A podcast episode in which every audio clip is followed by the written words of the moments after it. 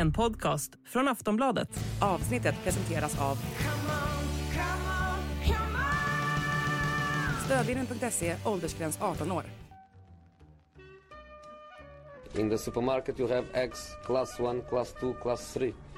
And some are more expensive than others, and some give you better omelets. That's the wrong information. Wrong, wrong, wrong information. I didn't say that. That's the wrong information. Do you think I'm an idiot? Wrong, wrong, wrong information. Now look at me when I talk to you. Your job is to tell the truth. That's the wrong information. Sillypodden. Det kan ju kännas lite apart att spela in ett Sillypodd-avsnitt så här i mitten på oktober mellan eh, transferfönster och allting. Men det ska vi göra ändå Makoto, därför att det är sådana vi är. Ja, dags att sparka igång den igen. Den har ju legat och vilat och marinerat här under eh, senaste månaden. Eh, Sillypodden då alltså. Vilka salvor har du använt för att eh, bota den här klådan som har uppstått under tiden du inte fått prata silly eh, den här månaden? Jag höll på att säga frityrolja. nej, nej, skämt åsido. Uh, nej, den, eh, jag tror inte det hade blivit så mycket sillypodd av, eh, av den senaste månaden för man har varit eh, väldigt icke-ajour. Eh, om vi säger så, Ja. eh, senaste tiden. Det, det behövdes, men nu är vi tillbaka och eh, inne i eh, ja, maskineriet igen, så att säga. Ja, för det finns faktiskt en del att prata om ändå, trots allt, eh, fast vi är här i, som sagt i mitten på oktober. Eh, Harry Maguire har klagat över speltid. det, det har Manchester United-supportrarna också gjort, fast tvärtom då. ja, men det roligaste är så här, ja men om inte jag får spela mer så borde jag nog titta på att flytta på mig. Ja men vad var det som var förra sommaren då, snälla? Du hade ju läget, det var att du inte du ville ha betalt mer än vad du skulle få i West Ham. Ja. Ja, Eh, nej men, eh, snabb bara ett litet löp. Eh, Jadon Sancho ska vi prata om, Mohamed Salah kommer det pratas mer om i vinter.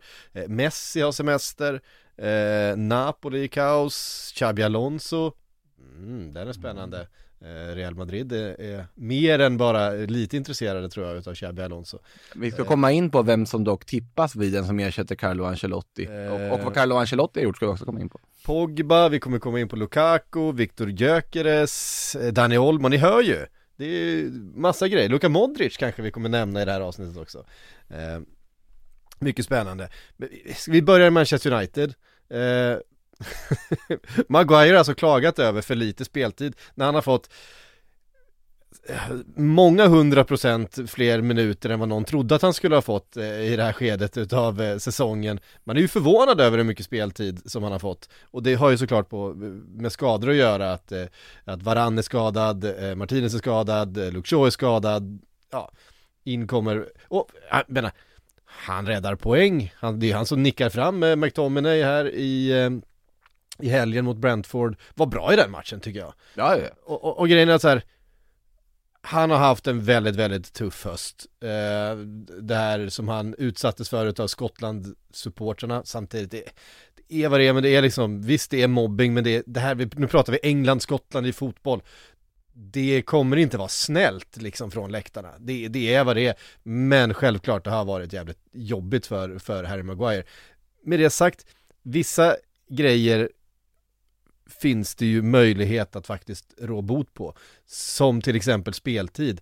När ett West Ham med en plan, med en plats eh, kommer och knackar på dörren och säger hej, vi vill gärna att du spelar fotboll hos oss. Men tränare som verkligen vill ha honom också. Med, med en Det är- tränare ja. som vill ha honom i ett system där han skulle kunna funka och verkligen göra sig förtjänt av den här landslagsplatsen han nu fortfarande har. Som jag inte tycker att han är förtjänt av i dagsläget med den fotbollen han spelat. Ehm, han kommenterar ju också West Ham-ryktena och sa att vi kunde inte komma överens och så vidare. Jag tror att Manchester United och eh, West Ham var överens. Det var du som inte var överens. Eh, det är lite sådär magstarkt att komma ut och, och, och, och beklaga sig över speltid eh, i en sån situation när man är Harry Maguire och har hållit en otroligt låg nivå i Manchester United eh, under Ten Hag. det, det blir så konstigt, alltså just i och med att hela anledningen till att han ryktades bort under sommaren var att han kommer inte få så mycket speltid. Ja. Och att då och då, när du har fått mer speltid än vad du väntar dig, det, det är som att Johnny Evans skulle gå ut nu och säga att nej men jag har inte riktigt fått den roll jag trodde jag skulle få i United och jag borde hitta en annan klubb. Det är liksom nästan lite den, den Ja, nivån. Ja, att Johnny Evans är där, det är ju ett annat kapitel i sig i och för sig att han startar matchen med Harry Maguire just nu i United. Men äh, det blir väldigt underligt på något sätt alltihopa. Eh, tycker jag, att gå ut på det här sättet. Sen tycker jag att väldigt mycket av kritiken Harry Maguire får är oförtjänt, oprovocerad och ja, stundtals sorglig till och med. Och elak Eh, ju. ja, elak, Alltså, det är elak, det är väldigt mycket elak. elakt som har riktats mot honom. genuint elakt väldigt ofta, men eh, han gör sig ju inte några tjänster med att gå ut och konstatera det som alla konstaterade i somras och som han hade möjlighet att göra i somras. Det är inte som att West Ham hade ja, liksom ersatt honom med någon sorts minimilön eller någonting på det här viset, utan han har nog fått uh, gott med pengar där också. Eh, sen såklart att han ville komma överens med United om hur, hur de ska ersätta honom för han ska gå ner i lön och så vidare. Det gör väl alla i alla jobb. Han hade legat högre upp i tabellen. Och han hade gått till West Ham. Så är det, så är det. sak. Han har kanske gjort någon mål också på James Ward-Prowse inlägg eller någonting. Ja, alltså, den där jättepannan är ju eh, perfekt för Ward Prowse att bara valla in bollar mot. eh, en annan spelare det har varit mycket snack om i upptakten här är Jadon Sancho. Han har uppenbarligen, eh, vad säger man? Hamnat snett med liksom. hamnat, hamnat snett räcker inte riktigt i, i, i sammanhanget. Nej men han har ju kommit helt på kant på alla sätt med, med Ten Hag. Ehm, har inte fått träna med, med A-laget, har varit ute och, och kritiserat eh, Ten Hag och det vet vi ju, det är inget som eh, den goda holländaren tar lätt på. Han måste ju i det här läget, med allt som har varit runt Manchester United, han måste ju verkligen visa sig vara ledaren här, vara principfast, vara, vara stenhård i sina eh, bedömningar och, och, och i sina ageranden. Och att då som Jadon Sancho går ut och utmana det, eh, den auktoriteten i det här läget, det är ju obegriplig strategi, men det gjorde han. Det är en månad sedan han gjorde det nu. Ja. Eh, dryg månad sedan. Och det som också väl ligger till grund som har rapporterats i engelska medier är väl att Jadon Sancho tycker att en viss annan högerytter har fått, eh, ja vad heter det, har blivit förfördelad i, i hierarkin och eh, kommer undan med andra saker. Eh, Anthony åsyftas ju då. Han är ju välkommen tillbaka i gruppen nu igen. Eh, vilket man verkligen kan diskutera med tanke på anledningen till att han ett tag var utanför. Eh, helt sanslöst hur, hur United sitter i den här situationen ännu en gång med tanke på det som pågick med Mason Greenwood och så vidare här i somras. Det är, alltså det är fullkomligt löjeväckande att man, att man är där igen. Eh, jag vet, det, och det har ju varit krismöten där och anställda som inte vill jobba i klubben och mer har det varit uppgifter om också. Men om vi bortser från det och pratar om Jadon Sancho, ja, han har ju inte heller gjort det, hjälpt, alltså Ten Hag vill ju att han ska be om ursäkt och då kanske han på något sätt kan välkomnas tillbaka. Jadon Sancho vägrar det. Istället så dyker han upp och spelar Ultimate Team 3 på natten på matchdag och så vidare som, som folk har vittnat om att de har, har mött honom i Fifa och så vidare. Eller ja, EAFC som det nu heter. Eh, så, nej, det, jag ser inte en väg tillbaka. Jag ser bara en väg ut för honom och det verkar ju som att United är redo att betala själva en stor del av lönen för att på något sätt skeppa honom. Alltså det finns ju intresse. Vad du säger, Dortmund är intresserade, Juventus är intresserade. Problemet är, inte ens när Sanchos värde har sjunkit så kraftigt som den ändå har gjort de senaste åren, så är fortfarande värdet allt för högt för att de klubbarna ska kunna betala en transfersumma eller vara intresserade av att betala en sån transfersumma för att göra en sån övergång permanent. Så det enda möjlighet som finns att bli av med Sancho är att låna ut honom på något sätt och då måste du betala en del av den här astronomiska lönen på runt 4 miljoner kronor i veckan som han sitter på. Så att det är en otroligt, ja, rörig sits, men jag tror att United vill bara ha bort Sancho. Det verkar som att den här tycker att liksom moralen i truppen har blivit bättre av att Sancho inte vistas med eh, övriga lagkamrater. Otroligt konstigt att det har blivit så här, måste jag sägas också. Ja, verkligen. Eh, och känslan är att han kanske måste, måste bort från England, eh, om jag ska vara riktigt ärlig.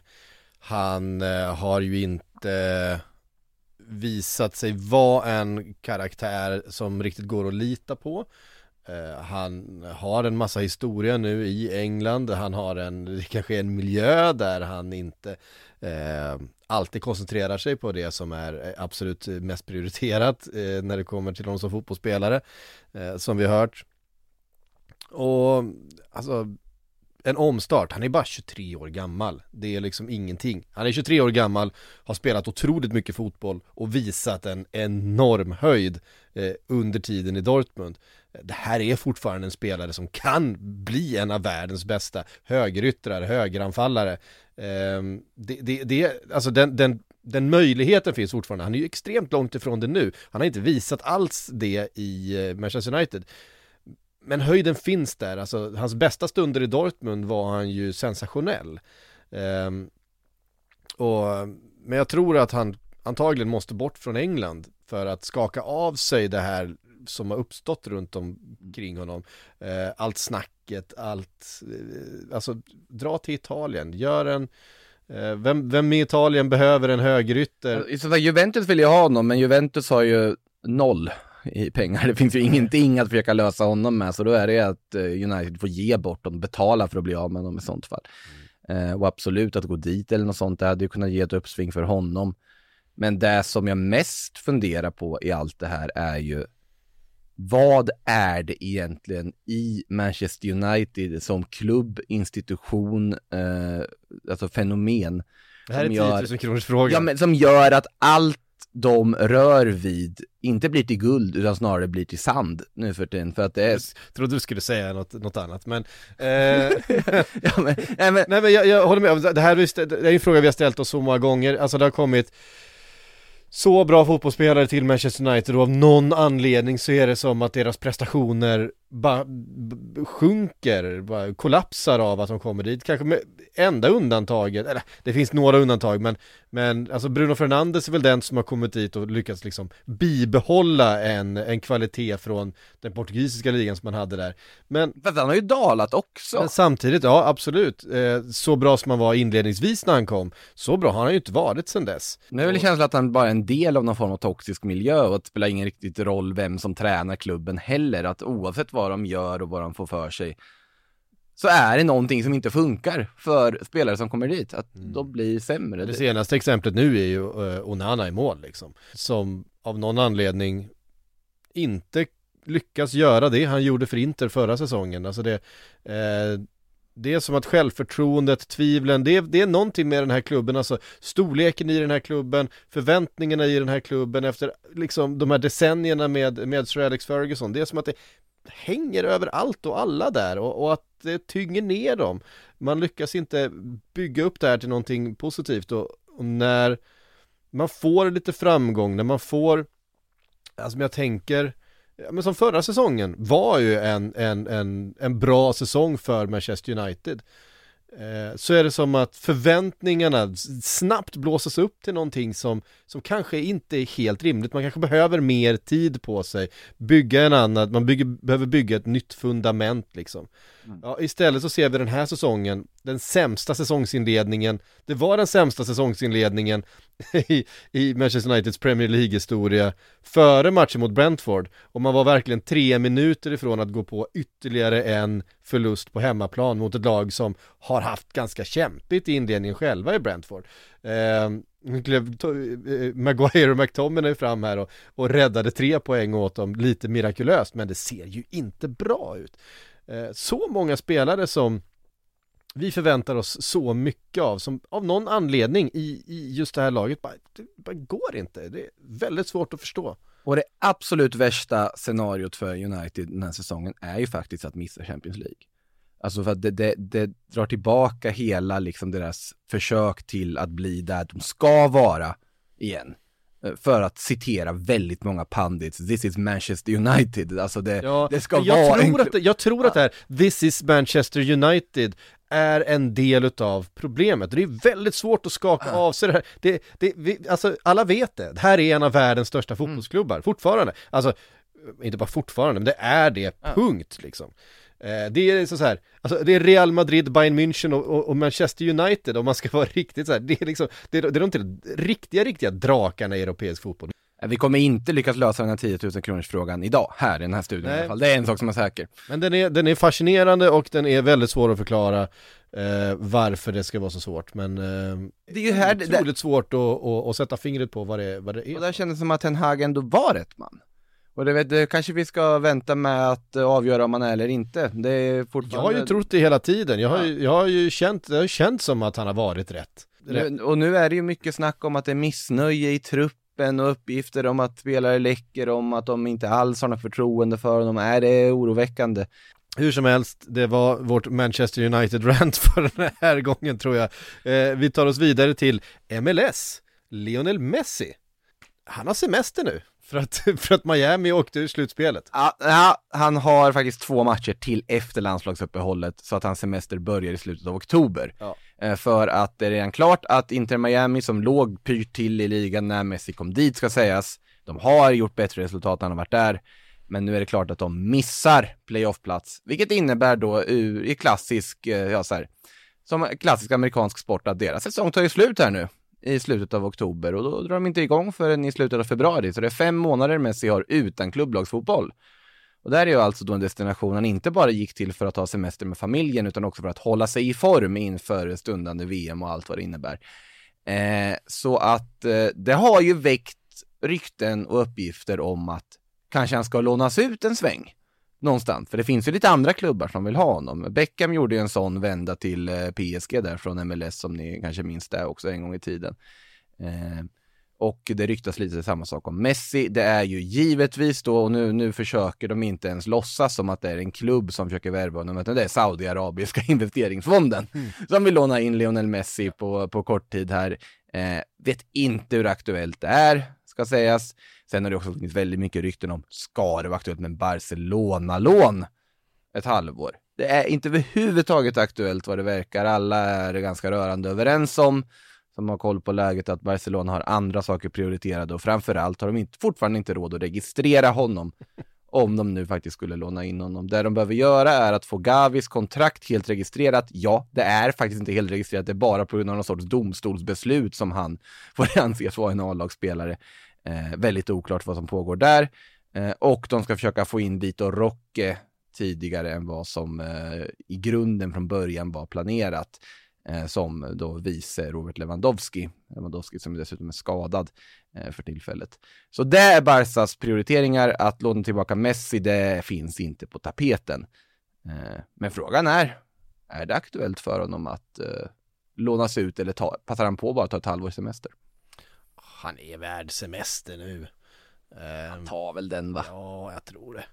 Eh, Man vet ju aldrig, alltså Messi gillar att spela fotboll, eh, så är det ju och han kanske tycker att det är jobbigt att vänta så länge eh, på att få, få lira boll men eh, det skulle, ja Men det är väl bara men, för dra MLS men dra till Saudiarabien, alltså han vill ju hänga med sina barn tror jag, det är väl eh, det har väl varit hans drivkraft de senaste åren, eh, väldigt mycket barnen och familjen Ja, men eh, låna ut dem till en annan MLS-klubb där det borde inte vara så svårt. Han är typ delägare i hela ligan nu, så bara flytta honom till en av de contenders istället och låta han spela där ett halvår. Han får ju alltså, han, han får ju alltså procent på eh, Apple TV-prenumeration. Apple TV-prenumerationer som kommer in för att se på MLS. Det är ju en helt, helt sjuk situation. Eh, och det, det, det är roligt också de, vilket man verkligen kan förstå, andra spelare i ligan som är så här, hej varför den här särbehandlingen?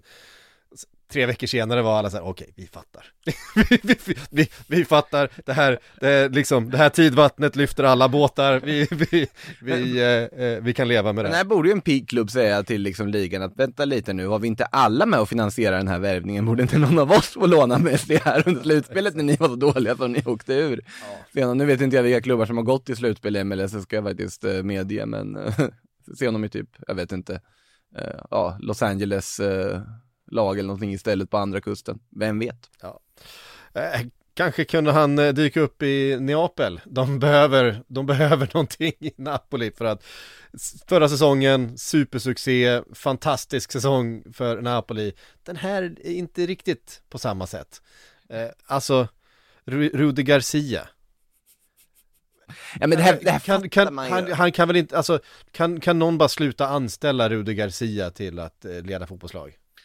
Alltså det är också så här, alltså man fattar ju när de plockar in Rudiger och säger, åh åh nej, vad, vad har de hittat på nu då? Det här kommer inte bli bra.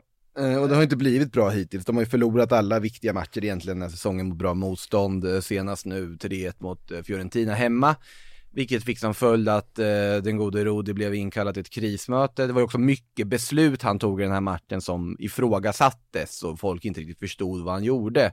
Uh, Victor Osimhen har inte varit nöjd av andra anledningar också under hösten Ja, ska fan, sägas. det har ju inte skött speciellt bra. Ja, den där, eh, vad var det, praktikanten på deras sociala medier avdelning eh, som ställde till det lite. Men alltså, så här, det, är- ja, det är inte lite genomskinligt skylla på en praktikant. det, det är så, vad har ni att säga till ett försvar? Ja, vi har sparkat den praktikanten. Ja, vi får... Ja, men den officiella anledningen är väl att det var Ja, jag vet, jag vet, men vad fan det är inte det. Det är hunden åt upp min läxa, eh, liksom. Är det inte någon som kollar vad ni lägger ut för någonting eller liksom, bollar ni inte saker med varandra på kontoret? Ja, ja men Osimhen i alla fall, han har haft olika anledningar vara besviken på saker och ting, men det har ju lugnat ner sig. Nu är han mest sur på Rudi Garcia för underliga beslut i eh, taktiska beslut och Kvaratskhelia är väl inte helt nöjd heller. Eh, ledningen är framförallt inte nöjd, för de kallar in dem till krismöte där de förklarade att vi inte är nöjda med det vi har sett, hur ska vi liksom vända på det här? Och det här mötet ska ju ha gett som effekt då att, ja men, eh, det De Laurentiis säger, ja men du får två matcher till, du får ditt nästa landslagsuppehåll på dig och vända det här, lite så. Eh, sen blev det ju inte liksom lugnare, då tänkte man, ja men okej, nu får, nu är han pressad, men han får tid på sig. Sen går ju De Laurentiis själv ut och säger, nej jag har haft en väldigt dålig tid med Rudi Garcia hittills. Men man får väl förstå när man anställer en tränare som har glömt hur italiensk fotboll funkar att det kommer vara problem. Varför anställde du karln från första början då i sånt fall? Eh, tänker man ju. Men han menar att allting har sin tid och att han måste pricka rätt timing för saker och ting. Och det är timingen är ju då att, ja, kicka Rudi. Eh, och nu har man börjat titta på ersättare, de har kontaktat Antonio Conte. Conte verkar själv dock ha tackat nej till det här, inte så intresserad, vill hänga med familjen och ta det lugnt istället. Jag vet inte, men Napoli och Conte känns som en potentiellt explosiv kombination. Ja, det, det, det hade varit intressant. Det hade varit otroligt intressant. Sen är det ju ett namn som har dykt upp lite i skymundan i ryktesvängen. Är ju faktiskt eh, en viss Graham Potter. Eh, det hade varit ganska spännande. Men också Ja, hade varit men- en total kulturkrock med att ha De Laurentiis och Graham Potter tillsammans i Neapel. Ja, det hade det varit. Sen känns det ju också, för mig är Graham Potter inte en krisdoktor, han är en lagbyggare. Det är liksom fel... Ja, det är eh, inte en krisdoktor de letar. Nej. Det, det är inte den formen av kris. Det är inte som att Napoli ligger inte typ där Ajax ligger i Eredivisie just nu, liksom i botten. Men skulle inte Spalletti komma tillbaks till, till eh, Napoli sen? Han skulle ju bara Han skulle bara göra lite annat ett par år och sen skulle han komma tillbaks till Napoli sa han Ja, ja, ja oklart alltihopa, men sättet de har hanterat eh, Ja, som absolut, de lyckades behålla Osimhen, de lyckades behålla Kvara, de lyckades behålla Sambo, Zelinski och så vidare. Eh, bra jobbat. Mm.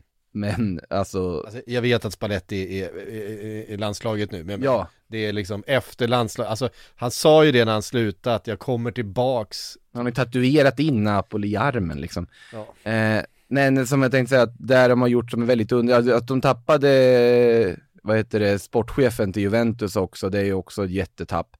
Men att de säljer Kim Min-Jae utan att ens vara nära att plocka in en ersättare.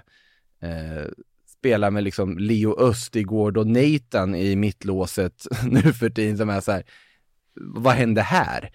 Eh, jag räknar inte med Napoli i någon form av scudetto-strid den här säsongen. Det är det nog få som gör. Eh, sen ser båda Milano-klubbarna väldigt starka ut dessutom. Så att, eh, nej, jag tror inte att det är en krisdoktor de letar utan snarare någon som faktiskt kan få dem att spela fotboll igen. Ja. Eh, men det skulle och det kanske Graham Potter skulle kunna vara. Ja absolut, kan han öva på sin svenska med Jens Kajust också Trevligt. Ehm, ja, verkligen. Vi, eh, eh, en annan tränare som det är mycket spekulationer runt som gör eh, stor succé i Tyskland, Xabi Alonso. Eh, det har pratats om att Real Madrid har utsett honom till, eh, till, till eh, Ancelottis ersättare, att han ska komma in då efter den här säsongen. Ancelotti som vi ska gratulera. Eh, här nu under landslagsuppehållet så åkte han till Parma, till universitetet, där han fick ta emot eh, titeln hedersdoktor i eh, nu... Säkert redan hedersdoktor typ tre, fyra gånger. Ja, men alltså han, han har ju faktiskt blivit liksom tagit en doktorsexamen. Eh, och fick en hatt på sig och allt möjligt och så spelade de eh, La Decima-låten på harpa och han blev lite tårögd.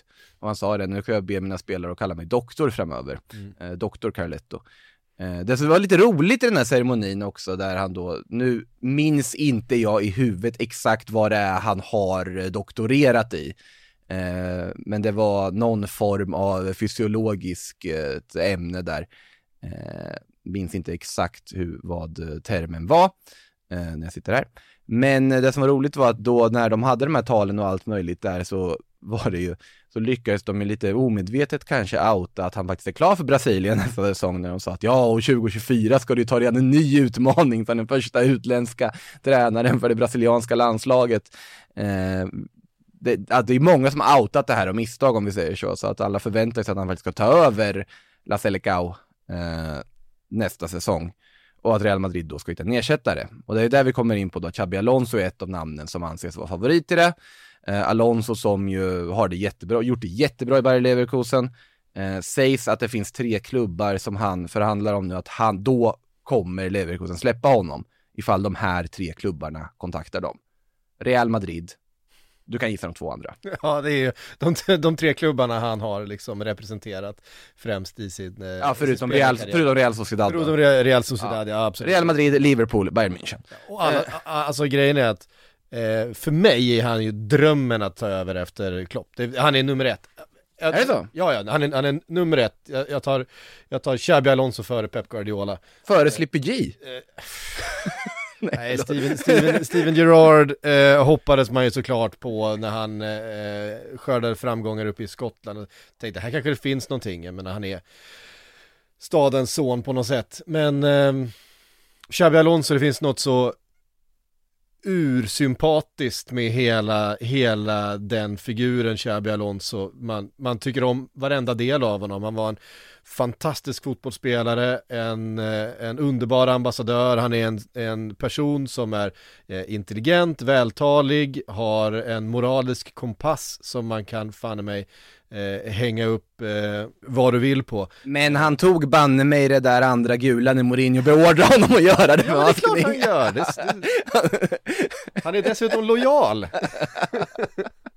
Nej, jag håller... Nej, han, är, utan alltså, mig. han, är, han, är, han är en utav, han är en av, de, en av de finaste sakerna vi har i, i fotbolls-Europa just nu tycker jag.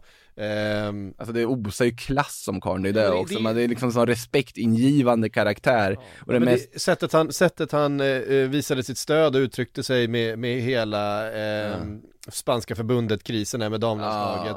Eh, sättet han hanterade det på som stor spansk fotbollsikon med jätte, jättemycket makt och en viktig röst att han tog tydlig ställning, att han var liksom ehm, Ja, nej men alltså så här, det är precis den, den, den karaktären man vill ha som representerar ens klubb. Eh, Att han dessutom verkar vara en alldeles förträfflig fotbollstränare, vilket han ju verkligen verkar vara eh, efter de här resultaten med Bayer Leverkusen. Eh, Ja, och förutom att de då spö- spöade BK Häcken Exakt. genom att bara ställa ut en dobb på skon, eller på plan. Ehm, nej men det är som sagt, och, och såklart, nu har vi, nu är Jürgen, Jürgen Klopp där. Eh, jag tror att Real Madrid, Ancelotti, där tror jag nästan att det är, kan vara mer aktuellt. Bayern München eh, De har ju Tuchel har, nu. Har ju Tuchel nu. Tuchel har en tendens att inte vara kvar jättelänge i klubbar. Eh, Alltså, nu är han i Bayern. Det här måste ju vara hans slutmål. Ja, det är väl, det, sätt, det, det är väl så på något sätt. Ja, men har man en, en vresig tysk eh, så ska man hålla fast i honom om han är i, i, i Men, det roliga här som jag inte hunnit nämna än är att det är ju ett annat namn som uppges vara favorit. Ja, nu har El Chiringuito som var ute och sa det, så tar det med väldigt stor nypa salt. Tar fram saltet. Men, men fortfarande, och det, det är ju egentligen det mest troliga namnet, eh, att ersätta Ancelotti. Och det går ju också att gissa vem det är. Zidane. Zidane en till vända, givetvis! Han sitter ju bara och väntar och tar det lugnt. Han, han kör en vända till, äh, det, det kan ju inte bli det. Men alltså det är ju, ingen kan ju vara förvånad om Zidane tar över ännu en vända. Eh, lagom med Kylian Mbappé där kanske då. Eh, när han då potentiellt ska in nästa sommar när vi ska köra hela den, den faderuttan igen. Ja. Nej men alltså, eh, Jürgen Klopps kontrakt eh, går ut om två och ett halvt år. Ehm, jag tror inte det finns någonting som talar för att han inte kommer vara kvar hela den, eh, den tiden han kommer absolut inte bli sparkad någonsin. De gör ju ganska bra resultat nu ska vi komma ihåg. Nu ser, ja och han har själv pratat om att nu bygger han Liverpool, sitt Liverpool 2.0 vilket han ju verkligen håller på att göra med eh, Soboslaj, McAllister, Darwin Nunez, eh, eh, Luis Diaz, alltså det här är Jag en- tycker det är 3.0 men det är en annan det kanske är sak. tre, ja. det beror på hur man, ja, om man ser de första åren som en, eh, liksom en övergångsfas från Brendan Rodgers Liverpool med eh, de här spelarna med Daniel Sturridge och Adam Lallana och eh, Nej men jag ser liksom den, den enda säsong vi fick där Thiago funkade var 2.0. Ja okej, eh, jo men det, och, Ja. och det var ett, det var ett rätt bra lag Jag menar det, det var ju ett lag som, som la till någonting mer på där det var innan och sen så kollapsade det för att Thiago inte funkar och sen, ja. ja, 2.0 är hans egen, eh, hans egna ord i alla fall eh, Så att eh, men- Otroligt irrelevant att diskutera om det var 2 eller 3.0. Det är ett nytt Liverpool i alla fall. Ja, så att jag tror att han är, är för det har säkert varit diskussioner, så här, ska, ska man orka en vända till, ska in någon annan, och det har säkert funnits diskussioner inom, inom FSG och ledningen där, ska vi liksom sa- satsa på någonting nytt nu när vi ändå måste bygga om, vi har den här stommen som alla har passerat 30, ehm, det kanske är någon annan som ska göra, nej, vi har den vi vill ha liksom, om Jürgen Klopp vill göra det här en vända till så är det klart att han, han ska få förtroendet och det har man väl kommit överens om och det kommer man hålla fast vid. Det här är inte, det här är ju inte ägare som tar speciellt lättvindiga beslut, de brukar, de brukar vara väldigt principfasta. Ehm, App, så eh, att minst, minst 20, sommaren 2026, men blir det Xabi Alonso då eh, så är jag den, den gladaste eh, av oss alla tror jag. apropå eh, saker som har en koppling till Liverpool, nu som stad tänker jag då, eh, så måste vi ju faktiskt nämna det lite mer anmärkningsvärda tränarskiftet i Birmingham här också. Där man ligger sexa i tabellen Ja. och gått ganska bra. Det är alltså ett Birmingham som tippas ganska långt ner i Championship-tabellen. Nej, vi kickar John Eustace från tränarposten. Jaha, eh, varför då? Jo, för att Wayne Rooney blev tillgänglig och man vill ha lite mer jävlar anamma och driv i det här laget. Eh, otroligt orädd, vågad, underligt eh, tränarrokad mitt under säsong. Jag Lite gillar det, jag gillar det. Lite så här sensationssökande, rubriksökande. Givetvis, nu plötsligt fick Birmingham en artikel i eh, ganska många olika tidningar för att de anställer Wayne Rooney. Eh, som inte heller har någon så här superbra track record som tränare, egentligen. Fast han hade, han gjorde det ju otroligt bra med Derby, eh, alltså med dem, visst de åkte men med ingen budget, med poängavdrag, med allt, han höll ju på att rädda kontrakt trots allt det här med Mm. Derby, ett konkurs-Derby som dessutom då hade fått poängavdrag eh, och hade knappt spelare att ställa upp ett lag med, med de, de förutsättningarna höll han på att rädda Absolut. kontrakt. Han gjorde det väldigt bra, men det är ju inte någon form av liksom vinnarkultur som han har stått för under sin tränargärning hittills. Alltså om vi säga, det det är där som Birmingham också har pekat på att de vill ingjuta någon form av vinnarkultur i klubben och så tar de in Wayne Rooney som egentligen bara har varit van vid att tampas i bottenskikt under hela sin tränarkarriär. Så vet jag inte hur han har gjort det i DC United. De missade ju playoff, så att uppenbarligen så var de inte topplag där heller. Sen Så- MLS är ju svårt att Det blir alltså inte DC United-lån för Lionel Messi heller. Även Nej. om de har otroligt snygga tröjor. Eh, Så kanske det. Mm. Vi eh, eh, tar oss vidare därifrån. Ska vi säga någonting om Pogbas, Pogbas doping och vad som händer där? Har det kommit några nya? nej, alltså, du gjorde ju ett, ett Sportbladet Daily i veckan som man kan lyssna på där du går igenom det här mer i detalj. Ja, man kan ju, vi kan ju faktiskt referera rakt av till det, för att det har inte hänt så mycket mer än så. Det man kan lägga till är väl att Juventus kanske är på väg att bli av med ännu en mittfältare. Eh, för att eh, Nicolo Fagioli, den unge mittfältaren, utreds vad det verkar för att ha brutit mot bettingregler. Eh, och det kan bli en treårig avstängning för det. Eh, otroligt Kan tråkigt. folk vara så puckade? Bara, bara, bara skit, bara låt bli. Mm. Betta inte. Jag fattar att folk, att det är en, den drog för, för många, Ja, och är ett problem. Men det är liksom, du är fotbollsspelare. Nu, nu vet man inte bakgrunden till liksom vad, vad exakt, eller jag vet i alla fall inte exakt vad det är Fagioli utreds för, för form av betting. Men där man tänker på till exempel liksom med Ivan Tony situationen, den är ju snarare liksom sorglig Ja det är på det. något sätt när han har gått omkring och fått liksom bära spelbolagsmärken på tröjorna och liksom pumpat med det hela tiden och sen så kommer du ha vissa som faller in i det. Ja. Som Ivan Tony och det är en jättetragisk historia att det, att det blev som det blev där. Eh, nu vet jag inte bakgrunden med Fagioli som sagt, men eh, oavsett vad får vi väl hoppas att det blir eh, ja, att han, att han hittar hjälp för dem, det är så att han faktiskt lider av den, den typen av beroende.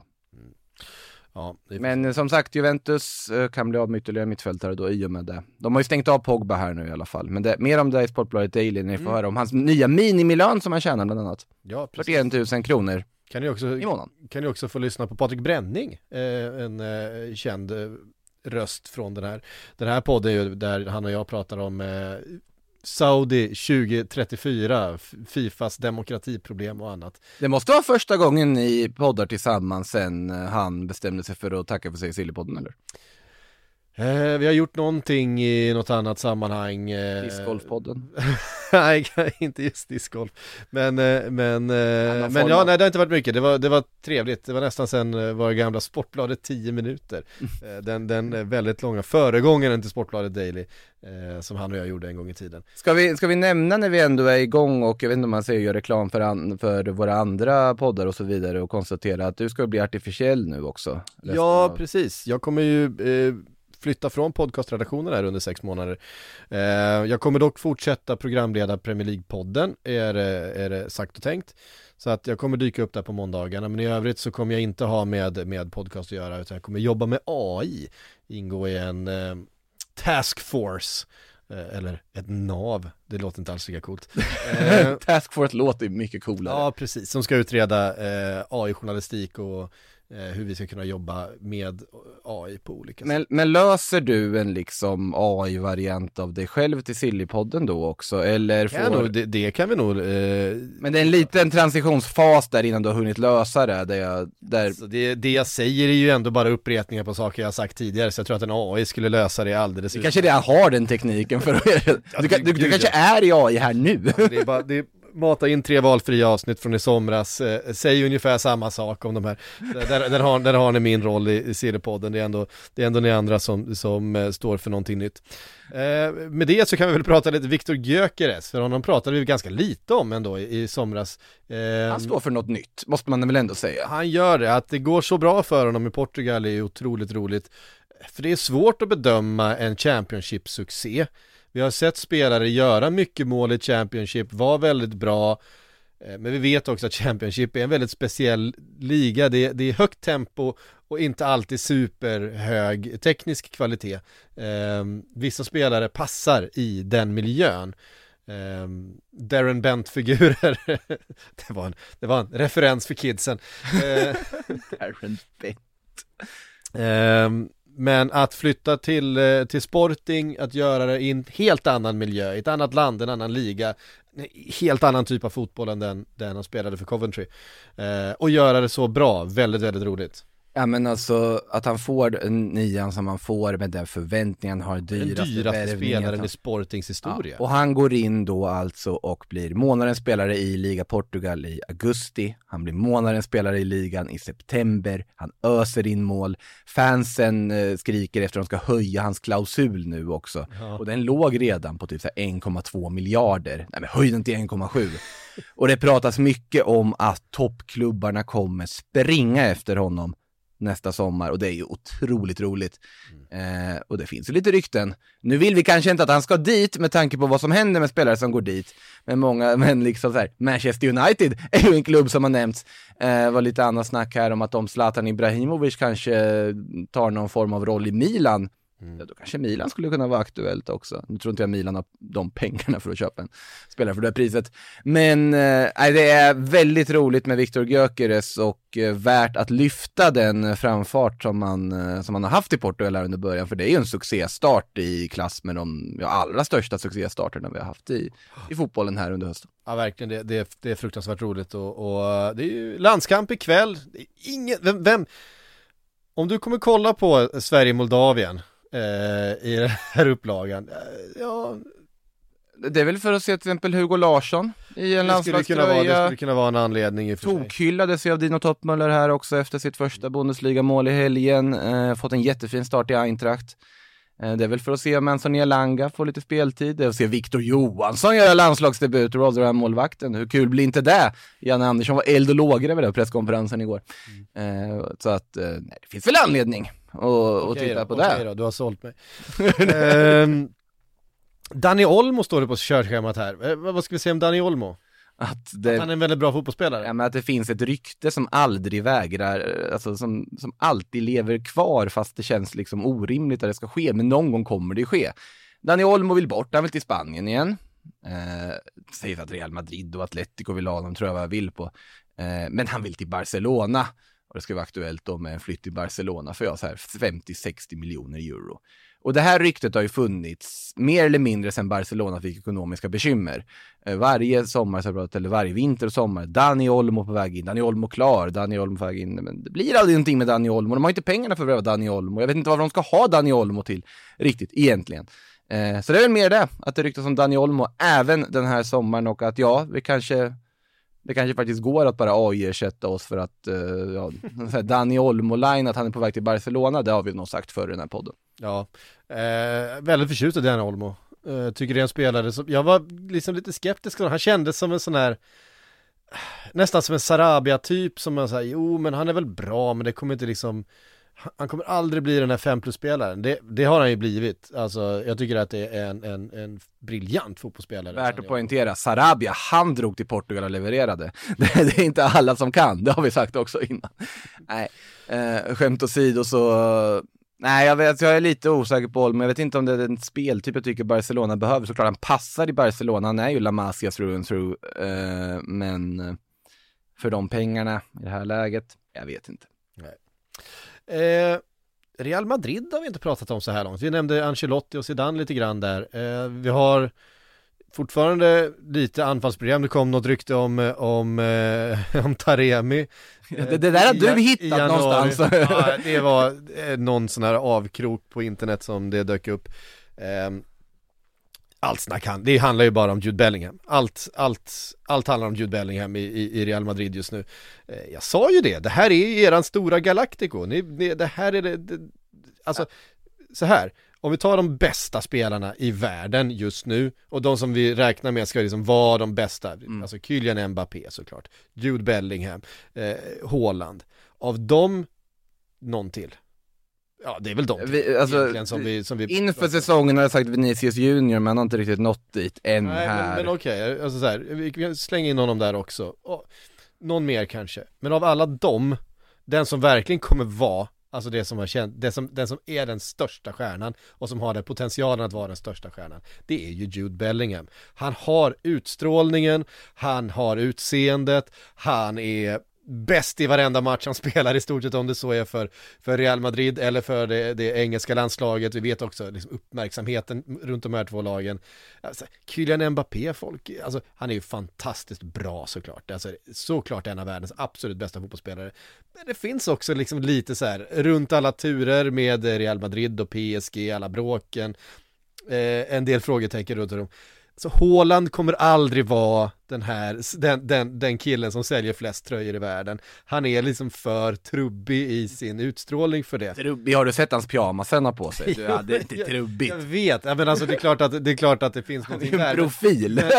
Men jag menar där, Formel 1-bilen för en PR-byrå, det är ju Jude Bellingham. Och så när han kommer in och har den här inledningen på säsongen, alltså, du vet, folk jämför honom med Di Stefano. Ja men det, det är så Det är överdrivet. inte- sjukt. Men också så här, så här det, ja, absolut, du pratade om det här inför att Bellingham kommer bli den nya Galacticon och jag sa nej det kommer bli Vinicius Junior som är det stora affischnamnet.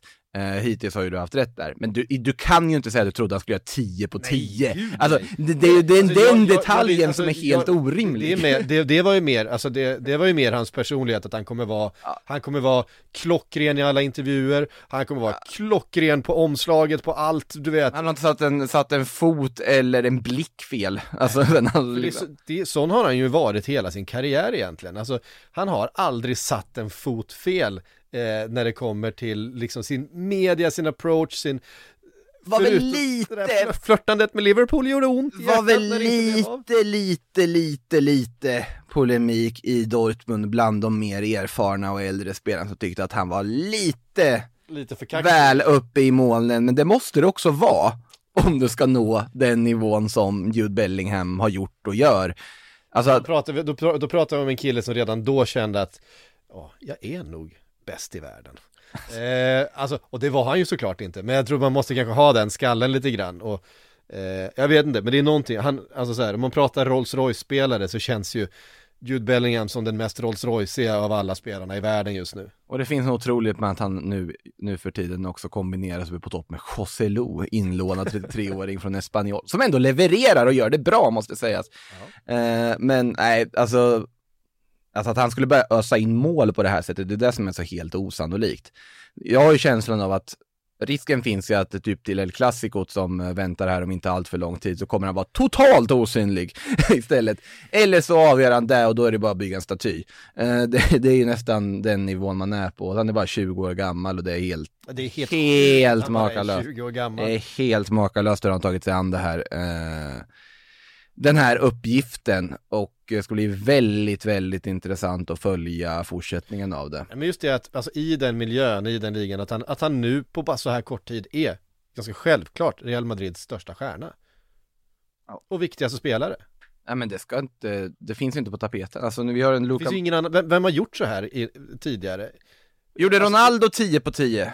Möjligtvis i början, men det var ju också en helt annan typ av värvning. Han var heller inte 20 när han kom. Han, han kom ju från, han hade ju redan vunnit en guldboll i Manchester Han har redan gjort när- 40 mål på en säsong och var ju värvad för att ösa in mål Precis. och levererade han var, ju, han var ju redan färdig liksom. Nej, att, att, nej, det är Bellingham på start. Och det, grejen är att man har suttit och väntat på att den här dippen ska komma. Den gör ju inte det. Han får ju inte avgöra varenda match. Och gör mål i varenda match och det... Alltså han sminkar ju över väldigt mycket annat som är problematiskt i Real, Real Madrid som knappt har några mittbackar tillgängliga nu för tiden. Uh, de spelar Chouameni som mittback och grejer. Precis, så för att det finns ju ett överflöd av eh, centrala mittfältare så är det ju. Eh, Jude Bellingham spelar ju inte ens på sin bästa position ska vi säga. Eller ja, det kanske han gör. Eh, trots allt med tanke ja, på. Eh, en som är lite besviken över sin speltid är ju däremot Luka Modric. Och Luka Modric är sällan öppet besviken. Sen ska det sägas att han säger att han inte är van vid Mm. att inte spela så mycket och att han mår bättre när han får spela och har den kontinuiteten. Eh, sen tror jag aldrig att det här kommer bli ett liksom omklädningsrumsproblem på något sätt, att Modric och Kroos har en liksom mindre roll. Nu har ju så Toni Kroos också gjort det han har gått före Modric eh, ibland också. Det har varit en ganska kraftig rotation. Eh, ska ju sägas där också i Madrid-lägret att de håller på att göra lite kontraktsförlängningar. Kamavinga verkar förlänga, Fede Valverde verkar förlänga, Vinicius Junior har förlängt fast de inte har presenterat det än. Eh, så de håller ju på och säkrar den här nya stommen för framtiden och har ju väldigt mycket på plats redan. Eh, om vi säger så. Sen hade ingen förväntat sig att Jude Bellingham skulle göra det han gör. Eh, och problemen kvarstår fortfarande i defensiven som behöver få, alltså behöver förstärkning. Jag tror inte någonting händer i januari, det kan jag säga direkt. Eh, men till sommaren så borde ju saker hända i alla fall. Um, ja, det får man verkligen, får man verkligen utgå ifrån. Vi eh, säger tack till Eden Hazard för, eh, för underhållningen. Eh, Eden Det gjorde Real Madrid också öppet och tackade honom för hans fina insatser under fyra år i Real Madrid. Det, det tycker jag ändå var fint. Det är ändå inte Real Madrid-åren vi kommer minnas honom för. nej, nej, nej. Eh, nej, det ska vi inte minnas honom för. Det vore att göra honom en björntjänst på alla sätt och vis. Vi ska minnas honom för det han gav oss under tiden i Chelsea. Ja. Under tiden i Lille innan det till och med också, och i belgiska landslaget. En otroligt sevärd spelare som man hoppades så mycket mer på när han alltså, flyttade till Spanien. Hans skalle matchade ju aldrig hans, hans grundförmåga, för att hans grundtalang, eh, jag tror jag skrev det på Twitter, alltså när det kommer till grundtalang så är det väl egentligen bara Lionel Messi och kanske Neymar i hans generation som har kunnat, som, som har kunnat mäta sig med den. För att så, så naturbegåvad som han var när han kom fram, sättet han liksom det där flytande steget, den där bollen som bara eh, liksom nästan svävade fram eh, när han var som, som allra bäst. Och det såg så naturligt ut. Och man vet också för att han då saknade den här träningsviljan eh, och den här vinnarskallen och allt det där andra som många andra spelare som har eh, Lyckats ly- lyckats bättre eller mer i, i alltså det är klart, hade han haft den, men då hade vi pratat antagligen om honom. Sen är det klart att skador har också varit en väldigt, väldigt starkt big- Men, men bidragande också orsak. kanske kopplade till att han Men- istället för att varva ner efter match satt och spelade Playstation. Typ. Alltså, Ja, det- det var ju har ju det. varit så att han har, inte, han har inte riktigt skött sin karriär han har inte varit en James Milner liksom i, i, i hur, han har, hur han har skött sin, sin kropp och sin karriär och sin träning och sin eh, ja, allt, allt som har varit runt fotbollen. För att han har ju också då kunnat leva så otroligt högt. Alltså höjderna han nådde som fotbollsspelare är ju några av de högsta höjderna vi har sett de senaste 20 åren. Eh, det, det, skulle jag vilja hävda. Alltså, när han var som allra bäst i Chelsea, då var han Premier Leagues otroligt. bästa fo fotbollsspelare. Ja. Han var ostoppbar. Eh, och det, han gjorde aldrig ändå de här, du vet, enormt många målen eller han hade någon säs- säsong när han gjorde väldigt många assist, och- alltså många Mm. poäng totalt. Men bara sättet han fick allting annat att funka och att eh, spelarna runt omkring visste att nu har Eden bollen, han, han är rättvänd, nu tar vi bara löpningarna. Vi vet att det, nu kommer det hända någonting liksom. Men det, det säger väl en del sättet han skrev det på i sitt avskedsbrev, eller vad man ska kalla det på Instagram också, att han har varit runt på så många planer runt om i världen, spelat så många matcher och haft så roligt. Ja, att det är just det, han älskade att spela fotboll, han ville spela fotboll, han var inte kanske redo, hade Han en älskade inte att vara elitidrottare, han älskade inte eh, det livet. Det, det är ju Han älskar att spela fotboll, han älskar att ha en boll vid fötterna och få göra det han är allra bäst på. Eh, och det är så vi ska minnas, så vi ska minnas, som låter Han väldigt inte- mörkt. Han är, det är skit, han är bara Han- 32 han är år gammal. Ja. Sen ska vi komma ihåg att det är många spelare som redan hade checkat ut när de var 32 som man har glömt nu också. Det är ju inte som att han, eh, ja, höll på att säga, gör en Gabri Veiga och drar till Saudi när han är 21 nu. Veiga som för övrigt också klargjorde ännu en gång nu här i en intervju att nej, det var inte pengarna jag ville spela under Mattias Geisle och spela i en liga på uppgång eh, och att det här var det bästa för min utveckling, bara så ni vet.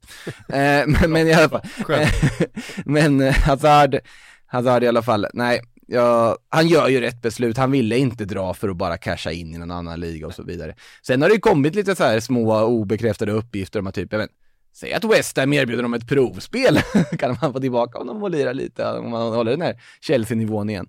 Tror inte det kommer hända. Nej. Men, eh, nej, Jag tror, det, jag, jag tror faktiskt ärligt inte efter de här åren att, att Alltså han skulle behöva jobba så mycket med att bygga upp sin kropp igen, med att bygga upp sin, eh, sina knän och, och allt. Alltså de delarna på honom som ju har tagit mycket stryk under, han har fått mycket stryk på fotbollsplanen eh, Och han har varit väldigt skadad och för att klara av att spela på den högsta nivån Så måste du bygga upp din, din fysik igen och dina, alla dina stabiliseringsmuskler och senor.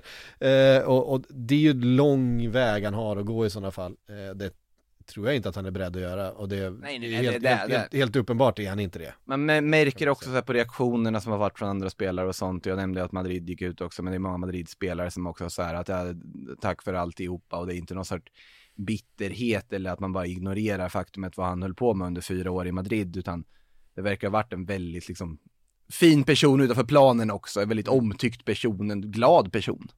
Eh, Och jag tror att han kanske när han summerar karriären inte tänker att aj då, jag misslyckades i Real Madrid som var min dröm, utan han tänker snarare, jag uppfyllde min dröm. Att få Ja. spela i Real Madrid, även om det inte blev precis så bra som man hade önskat. Ehm, Så är det, vi eh, ska, vi kan, vi kan väl nämna lite Luton också, Andros Townsend på, på spelare som eh, Vars karriär har, har dippat lite grann, framförallt på grund av skador såklart. Ehm, Inte kanske värt att nämna i samma mening som Eden Hazard, men ändå likväl. De möttes på planen många gånger. Så är det. Ja, Andros Townsend och Ross Barkley och, ja men Luton har väl ändå gjort lite mer än man kunde tro av dem hittills under den här säsongen också. Och Andros Townsend är väl en jättebra förstärkning på fri transfer i det här läget, för deras del. Eh, Hörru du, vi har fått ganska mycket frågor om Lukaku eh, Han har uttalat sig eh, om eh, alla möjliga saker Dels om Champions League-finalen, han har uttalat sig om alla rykten som var i somras, det här med Juventus eh, Och menar egentligen på att allting är lögn eh, Allting som har skrivits är fel eh, Det finns jättemycket som är oberättat om hur jag har mått Eh, Och det kan vi väl säkert, eh, det, det kan jag ju verkligen köpa att det finns mycket mer till den här historien än det som har skrivits eh, i tidningarna och på sociala medier. Eh, helt klart är det så, men han, någonstans så måste Lukaku också eh, lära sig att eh, tala i silver och tiga i guld. Men man blir ju glad. när man ser att Lukaku har varit ute och svängt framför en mikrofon igen. Det, det, det ska jag inte sticka under stol med. Alltså, det, är inte, jag vet, alltså det, det är ju underhållande såklart men, men eh, jag tror inte att det är det bästa för. Romelu själv. Alltså, ja, alltså det, det man undrar är, att man vill ju veta det här som man äh, teasar om. Att, ja, one day you will understand why I wasn't right mentally on that day på Champions League-finalen. Man vill, Han säger, en dag kommer jag berätta om allt som har hänt och ni kommer att liksom, det kommer blow your minds. Och ja, låt oss höra, jag vill veta, vad är din version av det som hände i somras? Jag vill verkligen veta det här. Så att även om det kanske för hans eget bästa är så att eh, just Tiga är guld, så vill man ju se honom tala. Ja. Ehm, ja, eh, det, det är ju, alltså hela, hela Lukaku-historien, när vi summerar den karriären så, så kommer det ju bli med, eh, med väldigt många om och men eh, runt alla de här besluten och turerna och säsongerna och målen och allt vad det har varit för det, allt har skett i en mycket, mycket komplex eh, kontext. Ja, det är, det är otroligt faktiskt. Vi tar och kastar in lite frågor då. Eh, Henrik Leibrat vill att vi ska prata om Jesus säsong på lån i Stoke 2017-18. Eh, Stoke Alona, för fan vad man gillade Stoke Alona ändå. Alltså det, det är ju inte Jesés höjdpunkt i karriären om vi säger så. Det finns ju mycket annat kul man kan dra om Jesse, det har vi gjort förut i den här podden också. Det man dock kan nämna är ju att han faktiskt numera är på en annan kontinent. Det kanske är flera som har missat det. Men lyssna på det här laget, lyssna på det här laget som han ändå spelade med. Bojan Kirkic. Eh, Jag menar alltså var But- eh, Jake Butland i mål? Ja. Landslagsmålvakten Var då, om- Shawcross där på den tiden? Jajamän! Såklart han var. Mittbacksparet Kurt Zuma, Ryan Shawcross. Det här är ju kanon. Eh, och sen var det Peters och Bauer på högerbackarna, jag vill inte säga mycket. Joe Allen på mittfältet, framför spelar alltså Sheridan Shakiri och Peter Crouch. Eh, Peter och, Crouch på mittfältet? nej nej, eh, han spelar i, i anfallet såklart. Ja. Jag menar de här, på bänken satt liksom Glenn Johnson fortfarande, Steven Ireland var där, eh, Jesse var där. alltså vilket lag! Charlie Adam var där. Det är ju bara profiler. Eh, Stoke. Eh, Otroligt, det är klart att han skulle vara där.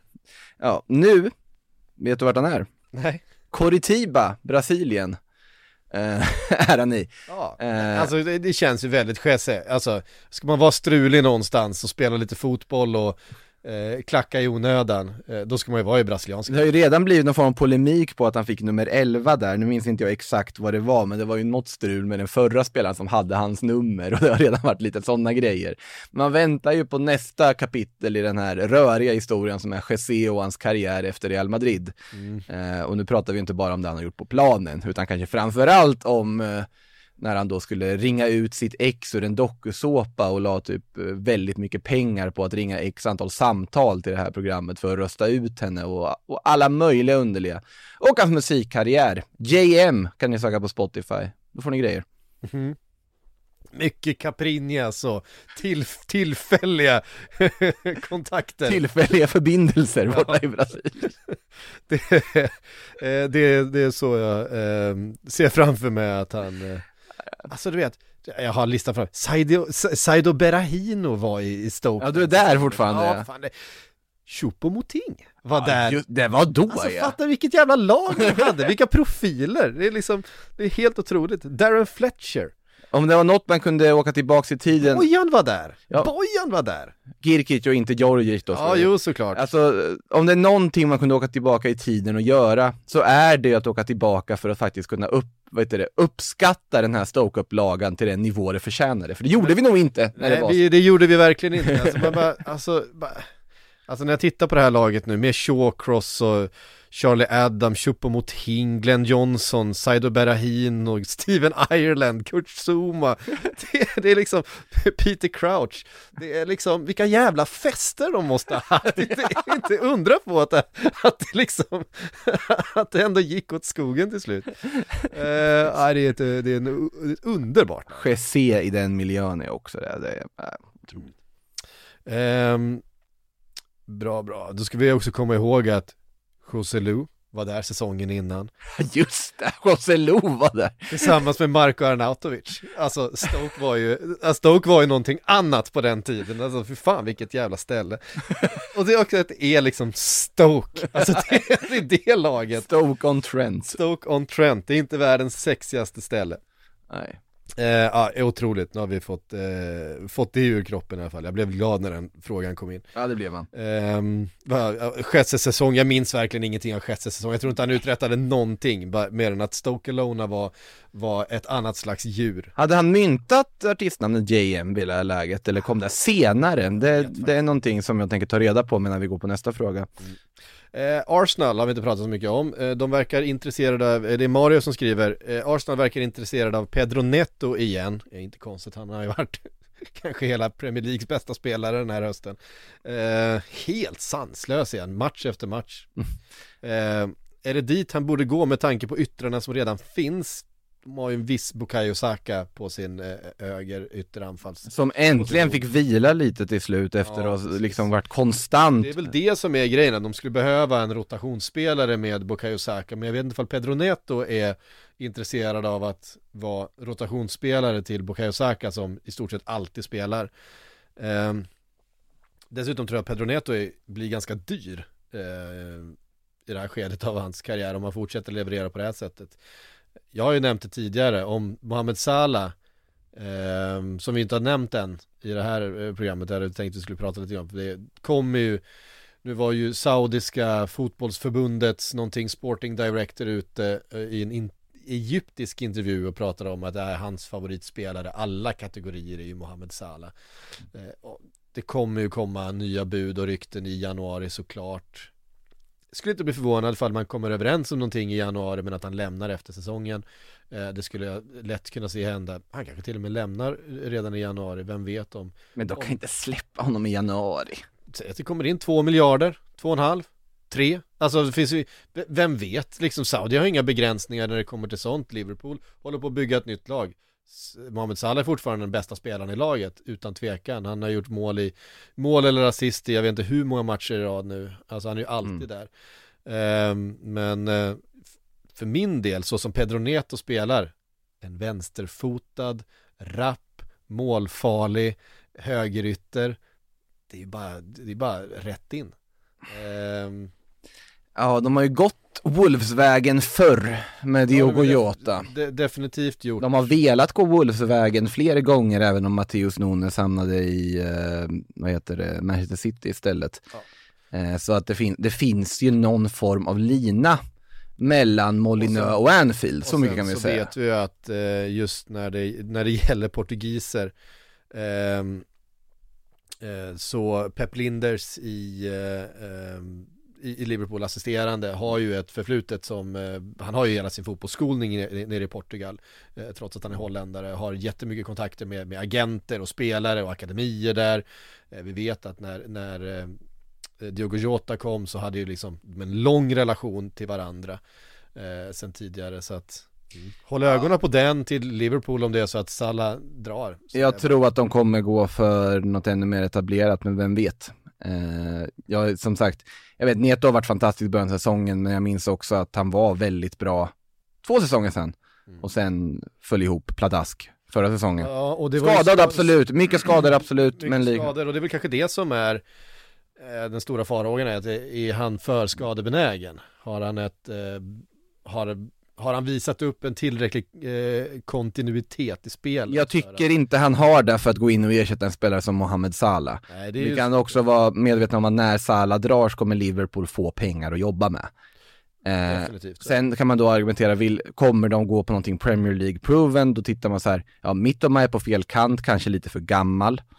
Eh, men Mm. det fel egenskaperna passar ju som handen i handsken egentligen. Sa- Samtidigt så just vänsterkanten där är ju eh, dels Luis Diaz men om, om man ska sätta ut Darwin på en kant så är det ju till vänster man sätter honom. Ska man sätta ut eh, eh, eh, Jota på en kant så är det till vänster eh, i första hand. Om Moussa Diaby kommer igång på allvar i Villa Mm. och skulle börja göra grejer, då är det ett namn jag kan tänka mig och se framför mig, möjligtvis. Men jag skulle vilja släppa honom för någon form av ansenlig summa, tveksamt, för han kostar en väldigt bra slant när de värvade honom från eh, Bayer 04 här nu också. Det kommer i alla fall inte bli Kylian Mbappé som de försökte eh, plantera eh, eh, tidigare. Vi, vi, det kommer nog planteras igen ska du se. Ja. En spelare som jag bara vill nämna utan att jag har något konkret, men som faktiskt bara nyligen kom på, men herregud vad är det han sysslar med människan? Det är Serhu Girassi i Stuttgart. Eh, 27, 27 år gammal anfallare som spelar för Guineas landslag. Det har liksom lossnat, kan man säga. Han har alltid gjort 13 mål på sju Bundesliga-matcher på den här säsongen. Det är, det är helt sensationellt makalöst, jag vet inte vad. Det här vi, det här vi kallar proppen ur. Ja, ja, verkligen proppen ur. Det är eh, helt orimligt hur han har börjat kasta in mål eh, den här säsongen. Det blir spännande att se om det är någon klubb som eh, vill eh, börja förhandla med Stuttgart i, i vinter redan efter den här monstersuccén. Han gör ju hattrick i varannan match, Garn. Mm. Helt makalöst. Ja, det är helt sjukt. Sen Jag ville bara lyfta honom. Ja, ja, alltså. Ehm, Vi kommer få anledning att prata om honom mer den här hösten, har jag känsla av. Eh, Definitivt, men så där är det ju, när en spelare gör den typen av succé så eh, kommer det andra lag och drar i honom och han kommer ju inte kosta en miljard liksom och är det ett lag som verkligen behöver få in en målskytt så har han ju uppenbarligen bevisat att den formen är han i. Eh, Allan Ballan undrar, eh, diskutera gärna vilka värvningar Tottenham behöver göra för att stärka truppen för att kunna säkra Champions League-spel och vara slagkraftiga till nästa säsong. Gör ingenting, linda in där de har i bubbelplast och låt Ernst göra sitt. För de är ju på väg att faktiskt kunna fi- fixa någonting med det de har tycker jag. Ja. Är det möjligtvis då eh, något form av mer offensivt alternativ eh, i det här läget om de ska spela som på topp. Ja. Om man tänkt göra det och ha Kulusevski till höger, Madison till, i mitten, vem ska vara till vänster? Är det Carlisson verkligen spelare som ska vara till vänster i den där formationen? Jag vet inte. Mittoma? Mittoma, ja men äh, absolut, alltså det är en, en typ av spelare som man verkligen hade kunnat se. Till exempel, alltså något i den stilen, alltså det är väl en vänsterytter då i sånt fall. Nu har ju Pape Matesar och eh, vad heter det, Bissoma funkat förvånansvärt sensationellt bra och varit liksom spelat till sig den där dubbel eh, pivotpositionerna. Så att där behöver du väl inte heller peta på någonting egentligen. Försvarslinjen, Micke tro, van der Ven är ju en, en dundersuccé så här långt. Eh, Udogi, Ja. supersuccé nu när han har fått komma in och börja spela. Pedro Porro har fått ett lyft, du har Emerson Royal som alternativ där som också funkar. Vicario har sett superstabil ut längst bak. Varför ska de göra det? är vänsterytter i sånt fall. Ja, ja nej, jag, jag, jag håller med. Um, Copswe eh, skriver André till Liverpool i januari. Det finns mycket spekulationer och rykten som menar att det är möjligt. Sedan Hinkapi från Leverkusen, eh, är det endast rykten eller finns det något bakom de här spekulationerna? Eh, jag tror att båda två är spelare som Liverpool är väldigt intresserade av. Hinkapi är ju den här vänsterfotade mittbacken som man har eh, eh, letat efter länge. Jag tror också, vi vet ju att eh, alltså, eh, Matip Även om han har varit väldigt bra den här säsongen så börjar man ju förbereda för att Matip kommer lämna, vilket inte kommer hända om allt för lång tid. Man börjar nog också förbereda sig lite på att eh, eh, van Dijk, van Dijks tid som den absolut Mm. självklara eh, utgångspunkten i där, eh, den försvarslinjen eh, kanske börjar närma sig till slut också. Han kanske har en eller två säsonger kvar i, på den nivån han håller nu och du var medveten om att hans nivå nu är inte samma nivå som före knäskadan. Ehm, Precis. så att, och en Hinkapi är ju en, en spelare med en potential att bli en, en, en världsback. Så att där, Intressant timing dock, för att nu under och den här... André som sagt, ja men där, där finns det ganska konkreta uppgifter om att Liverpool är där. Man vet, det, det har bekräftats utav, eh, utav spelaren och, och, och klubben och allting att det lades ett, ett försiktigt bud i, redan i somras även om man visste att det inte skulle hända där eh, och då.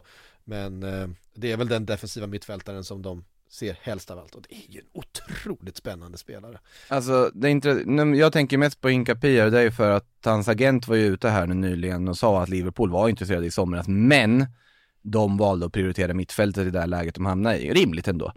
Eh, och att det kan vara aktuellt nu till, till vintern istället och att den här kommer gå för minst 50 miljoner euro.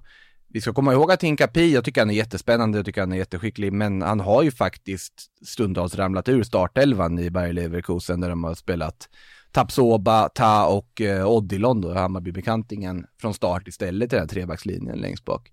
Eh, så att jag är inte helt, alltså Inkapi kanske skulle må bra själv av en flytt, om vi säger så, men frågan är om det är Liverpool-hyllan som är aktuell eller om det snarare är att han plötsligt dyker upp som alla andra mittbackar gör, det vill säga i Aston Villa, eh, eller någon annanstans.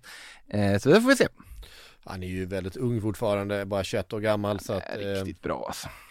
det eh, är väl inte helt förvånande att man i en, i en sån position också kanske går lite upp och ner i, i, i, i prestation. Eh, lite liten tycker jag han är för en, eh, för en mittback, men det är ju, det är ju sån jag är. Eh, eh, eh, vad hade vi mer här? Eh, jo, Daniel Trapp skriver, vi måste hitta en ny klubb för Emil Kraft. ja, det måste vi. Det där Newcastle-laget kommer han eh, inte ha. Alltså, så länge han inte typ flyttar till FC Köpenhamn eller någonting. Alltså, jag är trött på svenskar som flyttar till FC Köpenhamn. Inget, inget, inget ont om FC Köpenhamn egentligen, men alltså bara flytta hem till allsvenskan i sånt fall, snälla. Det är inte ett utlandsäventyr att vara i Danmark. Alltså det, det, det, det, alltså det, det är så jag känner med det där. Ja, den här spelaren ska ut på för Sönderjyske nu. Ja, men det var väl, det var väl, det var väl piggt. Eh, nej, men alltså jag fattar väl, alla tar sina egna beslut och har sina egna värderingar och prioriteringar och såklart är det bättre betalt och bättre kvalitet på ligan, men eh, alltså, ja. Nej, jag hoppas väl att vi får se kraft i, uh, i något bra Europa. Jag tycker att det, det är en bra, habil ytterback. Om han får vara frisk han, sen så. Han har inte gjort, gjort bort sig i, i Newcastle. Verkligen även inte. efter, ehm, efter Hawa kommer dit och, och ehm, ändrat mycket i laget. När han får spela så tycker jag han har gjort det väldigt bra. Utifrån sitt sätt att spela, eh, utifrån sina förutsättningar och sättet han spelar Var skulle man kunna sätta honom då? Nej, men jag hade kunnat se honom kvar i, i, eh, i Premier League fast kanske i en klubb lite längre ner i tabellen.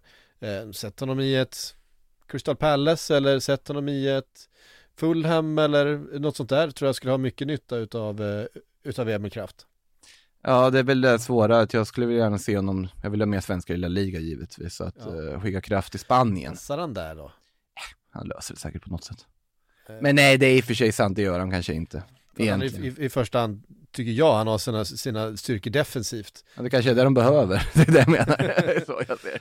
Ehm, så att, eh, ja, men, men, men det, jag tycker som sagt att han har, han har ju gjort det, han har gjort det med, eh, med beröm godkänt i, i, i Newcastle. Men Om, om det inte vore för att liksom. Om det inte vore för att Getafe har dragit ner sitt anseende ganska rejält med sin aktivitet på transfermarknaden så hade man ju velat se honom spela under Pep Bordalas och bli liksom, liksom ärkesvin på plan istället och se hur det hade påverkat Emil Kraft som karaktär och spela i ett sånt lag.